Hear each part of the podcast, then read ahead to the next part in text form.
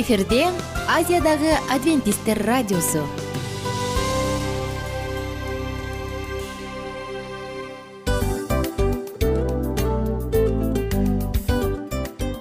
Достор салют. Баардык сүйүктүү угармандарыбызга салам айтабыз. Кутман күнүңүздөр менен. Ден соолук өмүрдүн булагы демекчи саламат саамы программасында баарыңыздарды көргөнүбүзгө абдан кубанычтабыз. Анда алгач амандашып өтөлү арбаңыздар деп. Ден соолугуңуздар кандай элибизде көбүнчө ден соолук кандай дегенде эле жакшы деп жооп беребиз э? ооруп турсак дагы жакшы дейбиз. Анан мен муну айтып ойлойт элем бул абдан сонун сөз депчи анткени бул жакшы деген үмүт да э ооба баары жакшы болот. Баары сонун. Деп үмүттөнүп атып эле өзүбүздү өзүбүз дарылап коебуз. Анысы кандай? Сиздин дагы ден соолугуңуз жакшы беш деген үмүттөбүз чындыгында ден соолук бул өмүрдүн булагы деп бекеринен айтылган эмес деп ойлойм. Кыргыз элинде анткени эгерде ден соолук жок болсо анда адамдын жашоосунда калган баардык керектүү маңыздуу нерселер өзүнүн баалуулугун жоготуп коет. Ошондуктан ден соолук бул эң керектүү нерсе. Ооба туура айтасың кесиптешим. Чынында ден соолугуң жок бир эки үч күн ооруп калсаң эле э кандай болуп калат? Жашоодо көз каранды болуп каласың көп нерсеге жетишпей каласың көп нерсени кыла албай каласың жада калса эшикке дүкөнгө да чыга албай каласың. Туптуура анан ден соолук болсо демек биз биздин бактыбыз тоодой деп койсок болот. Анда достор саламат саамы рубрикабызды баштайлы. Алдыда өзүңүзгө керектүү болгон сонун кеңештерди уга аласыздар. Мына ошондуктан биз менен бирге болуңуздар. Ал эми биз болсо милан жана айнура. Кеттик алга. Алга саламат саама ден соолуктун жарчысы. Саламат саама ден соолуктун ачкычы. Күн сайын сиз үчүн мыкты кеңештер сонун жаңылыктар кызыктуу фактылар биздин рубрикада.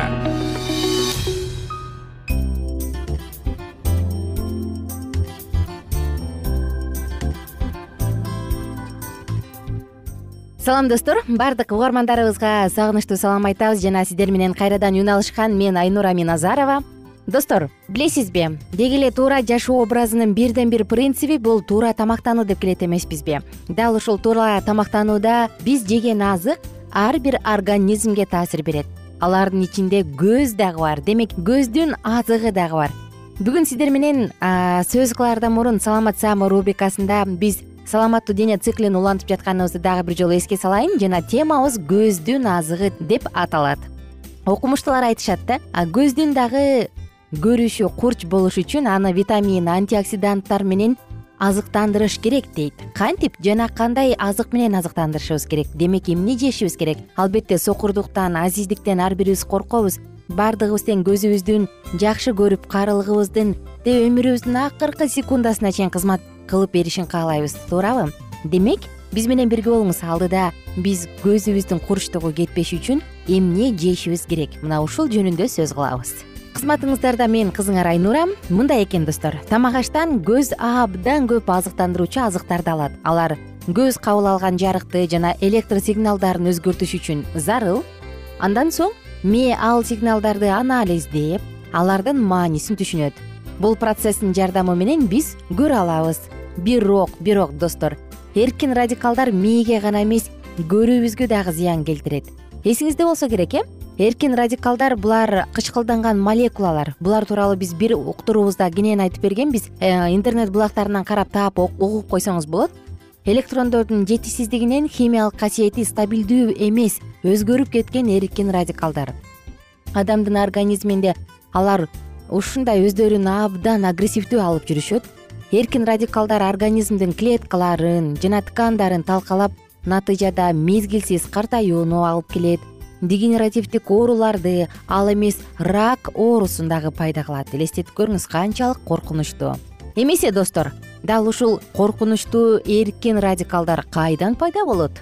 Көрсө эркин радикалдардын пайда болушун чакырган негизги фактор күн нурунун ультрафиолет толкундары экен. Андан сырткары бул агрессорлор чылым баңгизаттар атмосферанын булганышынын себеби жана башкалар дагы болушу мүмкүн. Ошондой эле сезгенүү көздүн инфекциясы жалпы организмдеги инфекция иондошкон радиация дагы эркин радикалдардын пайда болушун себеп кылат. Ушул эркин радикалдардын таасири алдында сарытактуу дегенерация дарты дагы пайда болот бирок лютеин диоксантин сыяктуу табигый антиоксиданттар көз тургабыгын дистрофиядан сактап калат андан сырткары алар күндүн зыяндуу ультрафиолет нурларынан сактап көздүн ткандарынын картаюусуна жол бербейт. Лютеин менен зиаксантин саргыч жашыл түстө алар шпинаттын кызыл кызылча жүгөрү салат латуктун жашылча түстөгү баардык капусталардын түрүнүн жаш шалгамдын ботвасынын рапунцель салатынын жана талаа салантынын курамында кездешет ошондуктан жогоруда эсептелген азыктарды көп жеңиз. Ошондой эле көздүн тор кабыгына көк жана кочкул кызыл флавоноиддер активдүү таасир берет. Булар тор кабыктын сарытактуу дегенерациясын токтотуп анын сезимталдуулугун жогорулатып түнкүсүн көрүүнү курчута алган күчтүү антиоксиданттар. Мындай флавоноиддер кара моюл черникада кызылгатта кулпунай малина кара жүзүм анар кара бүлдүркөн тыт жана зайтун затында дагы бар көздүн чечекейи дагы эркин радикалдарга сезимтал келет. Алар аны тумандатып катарактаны пайда кылат. Ал эми антиоксиданттар катарактага каршы тура алышат. Ошондуктан түстүү жашылча жемиштер антиоксиданттык биокошумчалар көздөрдү эркин радикалдардын таасиринен сактай алат. Ошондой эле достор антиоксиданттар тор кабыкты дагы коргойт. Көздүн тор кабыгын азыр мен санай турган антиоксиданттар көздү өзгөчө тор кабыкты коргоп көрүүнү жакшыртат. Эмесе калемсеп жана кагаз алыңыз эмнени жеш керек? С витаминин көздүн тор кабыгында кездешет аны эркин радикалдардын терс таасиринен коргойт. С витаминин цитрус өсүмдүктөрүнөн жашылча жаңы жашылчалардан тапсаңыз болот. Е витамини тор кабыктын жарыкты сезгич клеткаларында өтө көп өлчөмдө бар е витамини өндүрүлгөн буудайда жаңгак семечка жана авокадода кездешет. Ошондой эле достор. Кээде кайсы бир дарт витаминдин жетишсиздигинен улам дагы жабышып алат. Себеби көздүн курчтугу жана саламаттыгы үчүн алар өтө зарыл. Эгерде организмде а витамини аз болсо анда блефорит конъюктивит жана башка көз оорулары дагы пайда болушу ыктымал ал эми конъюктивдер суук тийип сезгенип калса көздө кургак пайдалуу боло баштаса акырындык менен бул көздүн сокур болушуна алып келет. Өзгөчө достор кичинекей балдарда дагы дал ушул а витамини жетишсиз болуп калат. Эгер муну жайына коюп койсок алар баягы тооктой сокур деп коет эмеспи же түнкүсүн жакшы көрбөй калат. Анан кечинде эч нерсени айырмалай албай дагы калышы ыктымал. Мындай учурда сабизди көп жеш керек. Кадимки эле сабиз бизде арзан кенен түрү менен өсөт. Анткени сабиздин курамында бета каротин абдан көп ал организмге кирип сиңген соң а витаминине айланат. Сөзсүз түрдө достор сабиздин өзүн эле жей бергенге дагы болбойт муну да эске сала кетели аны ар кандай майлар менен эритип кошуп жеш керек. Мисалы бул өсүмдүк майы болот каймак же майонез болушу мүмкүн колдон келишинче майонез эмес каймак же өсүмдүк майын жегенге аракет кылыңыз. Алгач аны кадимки эле сүрткүчтөн өткөрүп алыңыз андан соң жей бериңиз жогоруда айтылган майларды кошуп алып. Ошондой эле бета каротин көп болгон азыктар. Булар манго апельсин батат ашкабак жана саргыч түстөгү жашылча жемиштердин баардыгында бул витамин абдан көп. Б витамини жетишпесе айнекче эле оорушу мүмкүн б витамини б алты витамини булардын баардыгы көздүн чечекейин көздүн карегин коргой турган сонун витаминдер. Ошондуктан колдон келишинче тооктун жумурткасын кедр жаңгагын боор миндаль шампиньон ак козу карын жашыл буурчак арахис фасоль буурчак деп коебуз биз. Жүгөрү мына ушулардын баардыгын көп жегенге аракет кылыңыз. Сарымсакты унутпаңыз анарды унутпаңыз булар дагы витаминге бай. Убактыбыз бүтүп калды достор. Кайрадан сиздер менен амандашканча сак саламатта туруңуздар. Бар болуңуздар. Саламат саама ден соолуктун жарчысы. Саламат саама ден соолуктун ачкычы. Күн сайын сиз үчүн мыкты кеңештер сонун жаңылыктар кызыктуу фактылар биздин рубрикада.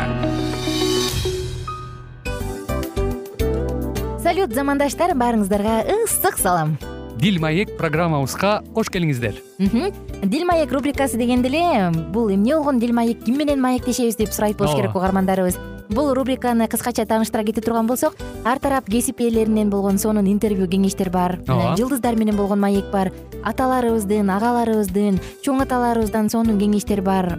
Ошондой эле эже сиңдилердин кеңештери бар айтор. Баардык кызыктардын баары алдыда. Негизи эле адам баласы бир кимдир бирөөнө ишенип сырын ачкысы келет эмеспи э мындай баарлашууга жакын келебиз го. Албетте негизи бир жерге отуруп алып кенен шашпай баягы жүрөктөн жүрөккө ачып сырларыбызды ар кандай көйгөйлөрүбүз менен бөлүшүп баягы чын жүрөктөн маек курганды кимибиз сүйбөйбүз э? Ооба десең ал нерсеге суусап да келебиз да. Ооба кээ бирде адамга чындыгында баягы э, ысык маек баягы жылуу маек жетишпейт да. Ошондуктан биз ушул рубриканы ойлоп тапканыбызда эң биринчи эле достор сиздер менен чын жүрөктөн бир маңыздуу темаларды козгоп кеткени кааладык. Ошондуктан ушундай сонун бир рубриканы тартуулап жатабыз. Анын үстүнө радио дагы сонун дос да анткени э, мындай учурда досуңа айтсаң досуң досуна айтат досу досуна айтат да анан бүт өлкө билип калышы мүмкүн го радио болсо сени сатпаган сенин айыбыңды ачпаган. Сенин сырыңды эч кимге айтпаган сонун досуң ошондуктан биздин алдыдагы айта турган кеңештерибизди биздин досторубуздун кеңештерин угуп анан ал жака пикириңизди дагы калтырып кайрадан биз менен байланышсаңыздар болот. Деги эле жашооңузга эгерде кичине болсо дагы өзгөрүү алып моралдык жактан нравовик жактан сонун бир кеңештерди алсаңыз демек биз максатыбызга жеттик. Ооба. Чыңгыз атабыз улуу жазуучу э, чыңгыз айтматов айткандай адам болуу бул күнүмдүк процесс экен. Күн сайын адам бойдон калуу бул адамзатка эң эле кыйын дейт э? э эң кыйын дейт. Чындыгында бунун э, негизинде адамдын эң баягы сапаттуулугу адамдын э, адамгерчилиги жана көптөгөн керектүү нерселер. Мына ошол темалар дагы бизде ушул дил маекте биз аларды да козгойбуз. Ден соолук жөнүндө да сүйлөшөбүз. Сөзсүз түрдө анан милан мырза негизи айтып коюшат го. Биз көбүнчө эмнени ойлонсок? Ошол нерсеге карата иш кылабыз го. Ооба. Анан анысы кандай? Балким бул радио баракчада кимдир бирөөнүн оюн текшергенге жардам берет кимдир бирөөнүн жүрөгүн текшергенге жардам берет. Балким кимдир бирөөгө жашоонун маңызын тапканга жардам берет. Айтор кызыктын баары алдыда бул жөн гана кыскача жарнама анда угармандарыбыздын баардыгын кийинки рубрикабызга чакырабыз. Ал эми кызматта маңдайымда отурган кесиптешим милан жана мен айнура. Анда эмесе биз даярдаган терең терең ойлор менен таанышууга кеттик. Алыс алыс баралык. Анда эмесе достор биз менен бирге болуңуздар. Алдыда эң кызыктуу маалыматтардын баардыгы бир нече мүнөттөр бою жалгыз гана сизге арналат. Мына ошондуктан жакшы маанай менен угууну каалайбыз. Үн алышканча. Жөнөдүк. Ар түрдүү ардактуу кесип ээлеринен алтын сөздөр жүрөк ачышкан сыр чачышкан сонун маек дил маек рубрикасында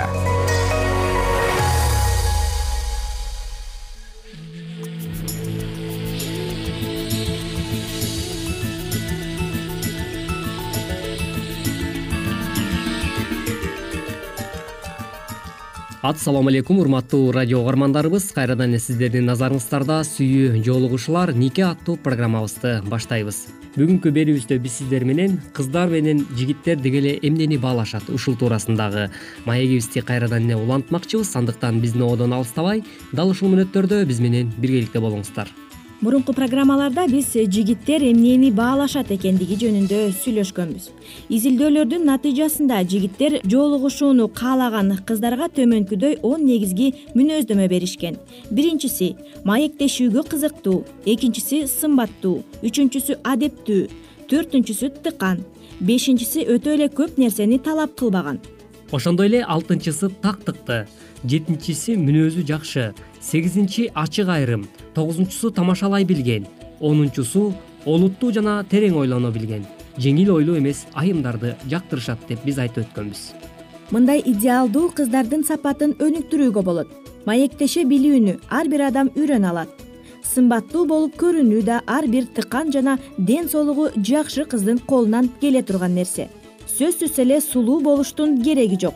Тактык менен тыкандык сыяктуу эле. Жакшы жүрүм турум жакшы мүнөз тамашалай билүүнү да үйрөнсө болот. Жолугушууга келгенде сен ошол жигитке кызыкканыңды билдир. Аны менен сүйлөшүп жатканда анын көздөрүнө тике кара. Ал эмне тууралуу айтып жатканын кунт коюп ук эмнеге кызыга тургандыгын сура. Башка бирөөлөрдү ушактаба. Бөлөк адамдардын арасында болгондо өзүңдүн досуңа көбүрөөк көңүл бур.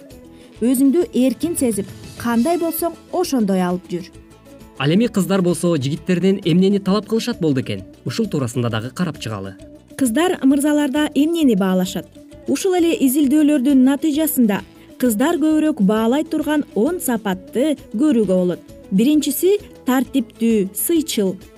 Ошондой эле экинчиси аны менен сүйлөшкөн кызыктуу болууну каалайт экен ушул жерден эркектер дагы кыздар дагы ушул жери окшоштугу бар экен. Ооба сөзсүз түрдө баягы кыз болобу эркек болобу э, ар бир эле адам э, бул жашоодо мисалы кызыктуу маектешүүнү ар бирибиз эле каалайт эмеспи. Кызыксыз нерсе негизи эле бул адамды жадатып же болбосо чарчатып да жиберет эмеспи. Андыктан ар бирибиз эле кызыктуу маек кылганды жакшы көрөт болушубуз керек. Үчүнчүсү тамаша көй чегине жараша. Төртүнчүсү ошондой эле жолугушууга келген убактысын так билүү жана тактыкты жакшы көргөн. Убакыттын тактыгын тактай билген. Бешинчиси чынчыл. Сүйлөшкөн кызын ички дүйнөсүнө карай тандап алат. Чындап эле бешинчи пунктка дагы мүнөздөмө берип өтсөк болот экен кесиптеш себеп дегенде э, чынында эле мырзалар э, сүйлөшкөн кызынын чынчылдыгын негизи эле адамдын ички жан дүйнөсүнүн жөнөкөйлүүлүгүн ар бир эле адам жактырат эмеспи. Андыктан өткөн берүүбүздө дагы бул жаатта дагы биз сүйлөшүп өткөнбүз. Деги эле кыздын э, сырткы келбети чырайлуу эле болбостон анын жан дүйнөсү дагы сырткы келбетине төп келишип айкалышып туруш керек деп да айтып өткөнбүз. Мына ушундай мүнөзгө ээ болгон э, кыздарды э, мырзалар көбүрөөк жактырышат экен туура айтасың жана адамдагы жөнөкөйлүк бул башка адамдарды дагы өзүнө тартат экен. Ошондой эле алтынчы пунктка дагы токтолуп өтсөк айлана тегерегиндегилерге көңүл буруп э, туура мамиле жасайт. Жетинчи пунктта биз шайырдыкты таптык. Ал эми сегизинчи пунктта болсо э, мүнөзү жакшы өзүнө тартып турган албетте мүнөзү жакшы адам өзүнө башкаларды дагы тартат эмеспи. Сөзсүз түрдө эгерде адамдын мүнөзү жакшы болгон болсо демек ар бир эле адамды өзүнө тарта билет эмеспи андыктан э, бул сапат дагы абдан жакшы десек болот. Ооба жакшы мүнөздү өзүңдү өзүң тарбиялап дагы үйрөтсөң болот экен. Сөзсүз түрдө мына ушундай сапатка ээ боло берели деген тилегибизди билдирүү менен мындан аркы сапарыбызды да улантабыз. Тогузунчу ак көңүл албетте ак көңүлдүк дагы бул абдан жакшы мүнөз эмеспи анткени э, дайыма эле катаал боло бербей бири бирибизге айкөлдүк менен э, ак көңүлдүк мүнөзгө ээ боло турган болсок дагы бул дагы биздин ийгилик жаратканга дагы жакшы бир өбөлгө болуп берет экен. Албетте. Онунчусу отуруштарды жана досторду тандай билген бул жакта дагы сөзсүз түрдө мисал кошо кетсек болот. Чындап эле э, баягы достук күтүүдө жана ошондой эле ар кандай э, отуруш кечелерде э, достор менен кандай мамиле кылыштын жолдорун дагы туура өздөштүрө турган болсок бул дагы ар бирибизге эле жакшы эмеспи эгерде биз достор менен карым катнашта болууда деги эле отуруштарда туура мамиле түзгөндү билбесек демек мунун аягы ар кандай чыр чатактардын келип чыгышына бир себепкер болуп калат. Андыктан бул жаатта дагы өзгөчө бир чыгармачылык менен э, жакшы бир э, иштерди э, жарата билген болсок анда бул биздин жашообузга жакшы жемишин берген болот экен. Албетте жана жигиттерге айтып кетчү нерсе. Жигит бул тизмени кунт коюп карап чыктык бул жерде сырткы сулуулук же байлык тууралуу эч нерсе айтылган эмес. Ал эми кыздар жактырган башка сапаттардын үстүндө иштесе болот. Ушундай мүнөзгө ээ болгонго аракет кылалы баягы элибизде айтылган жакшы сөз бар аракет кылсаң берекет демекчи. Э, ар бирибиз ушундай мүнөздөргө умтула берели деген тилегибизди дагы билдиргибиз келет. Кыздар башка сапат тууралуу да айтышкан экен. Мисалга буга бой көтөргөн. Акыркы мүнөттөргө жолугушууга чакырышат. Жана кайда бара тургандыгын айтышпайт экен. Бул нерселер кыздарга жакпайт экен мисалы сен ошол кайсыл бир э, адам менен бир э, жолугушуу кечесин уюштуруп коюп бирок э, кайсыл жака барарың жөнүндө так маалымат бербесең бул дагы жоопкерчиликсиз сапат болуп калат эмеспи андыктан бул нерсени дагы мырзалар эске алуусу абдан зарыл экен. Жана ушул бой көтөргөн эр азаматтарды дагы айта кеттик. Чын эле бул бой көтөргөн адамды негизи эле башка адамдар андан качат сөзсүз түрдө эгерде сен э, бул жашоодо дайыма эле өзүңдү өзүң көтөрүп башкача айтканда ушул бир кырс мүнөздүк мүнөзгө ээ болуп алып эле э, өзүңдүкүн бербей эле жок менин айтканым туура меники закон дей бере турган болсоң анда сенин айлана чөйрөңдөгү э, мындайча айтканда жора жолдошторуң да сенден оолагыраак болуп калышы дагы ыктымал. Андыктан бул сапаттан демек арылып жамандыктан качып башкача айтканда ошо жакшылыкка көбүрөөк умтула берели деген дагы тилегибизди билдиргибиз келет урматтуу достор ушуну менен биздин берүүбүз соңуна келип жетти. Ардактуу угармандар бүгүнкү уктуруубузга кулак төшөгөнүңүздөр үчүн ыраазычылык билгизүү менен биргеликте кийинки берүүдөн кайрадан эле биз сиздер менен дал ушул аба толкундан үн алышканча сак саламатта болуңуз. Ар түрдүү ардактуу кесип ээлеринен алтын сөздөр жүрөк ачышкан сыр чачышкан сонун маек дил маек рубрикасында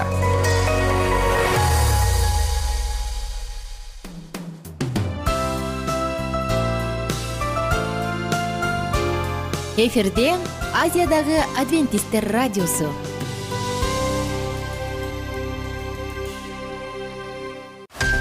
Жан дүйнөңдү байыткан жүрөгүңдү азыктанткан жашооңо маңыз тартуулаган жан азык рубрикасы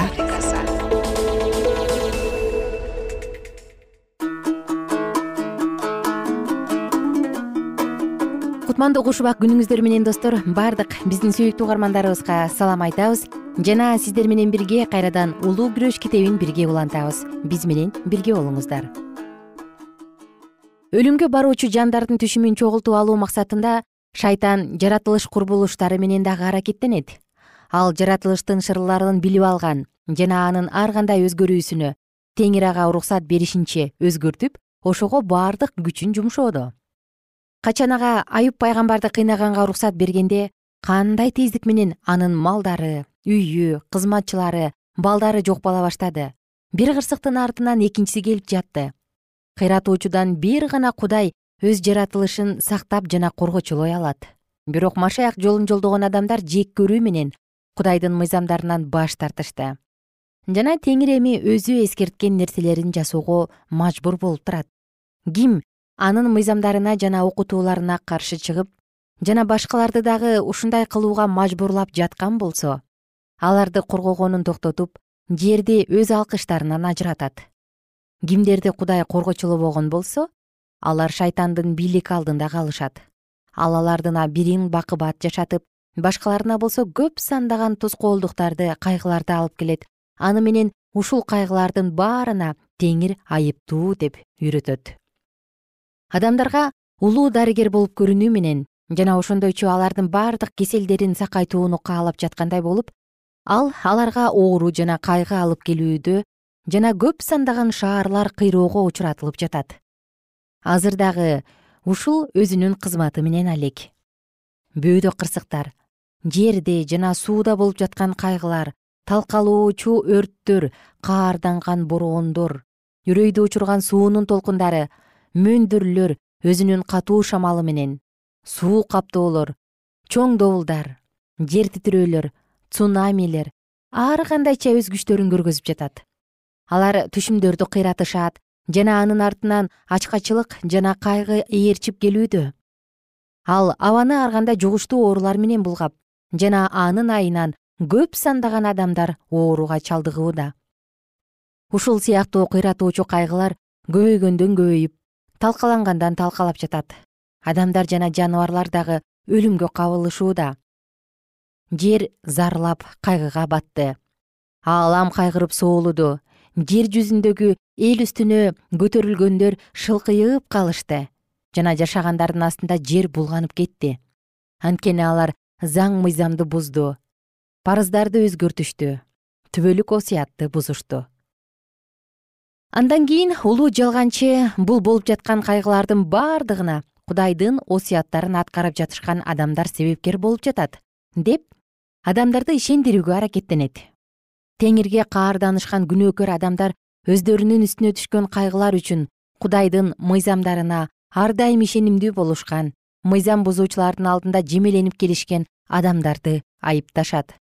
Жана жекшемби күнүн кастарлабаган адамдар кудайга акырат келтирип жатышат деген чакырыктар чыга баштайт.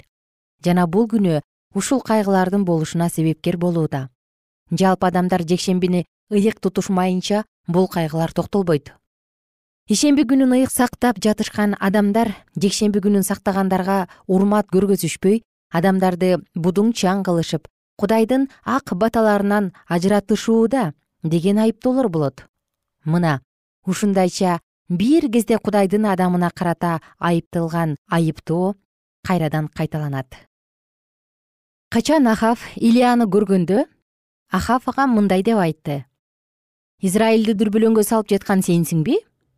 Жана илья пайгамбар мындай дейт. Мен израилди дүрбөлөңгө салган жерим жок. Сен жана сенин үй бүлөң теңирдин буйруктарынан баш тартып ваалга кызмат кылганыңар менен ушуну кылып жатасыңар. Үчүнчү падышалык китеби он сегизинчи бап он жетинчи он сегизинчи аяттарда жазылган бул тууралуу. Жана жалган айыптоолор менен каарданган адамдар чыдамын жоготушуп коюшканда алар кудайдын эли менен израиль илия пайгамбарга кылгандай мамиле кылышат. Спиритизм аркылуу көрүнө турган ажайыптардын күчү адамдарга караганда кудайга баш ийүүнү каалаган адамдарга карата багытталат.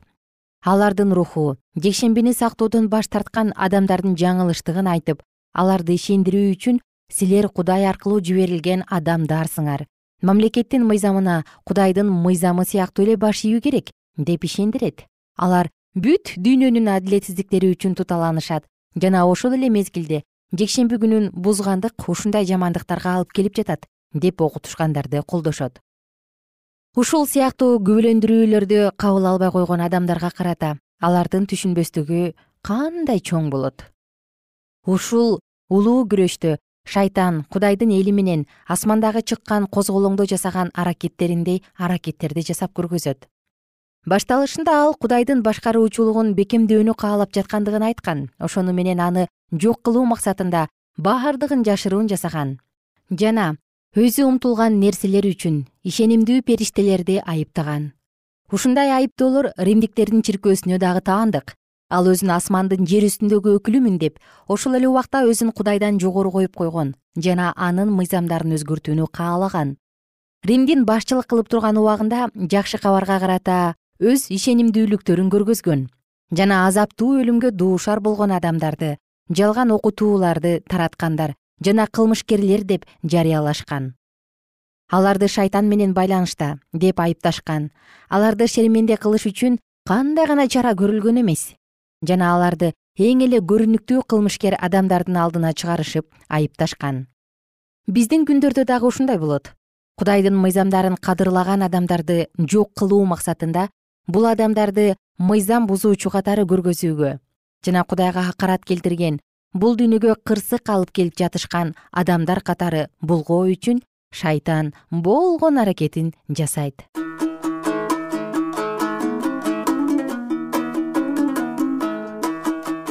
кымбаттуу угарман кымбаттуу досум. Сиздер менен бүгүн дагы бул дүйнөнүн төрөсү болуп жаткан шайтандын кандай максаты бар экендигин дагы бир жолу окуп өттүк. Ар бир күнүңүз эң сонун мыкты маанайда өтсүн. Ар бир жашооңуз ар бир кадамыңыз баталуу болсун. Сиздер менен кайрадан амандашканча сак саламатта туруңуздар. Кийинки уктуруудан күтөбүз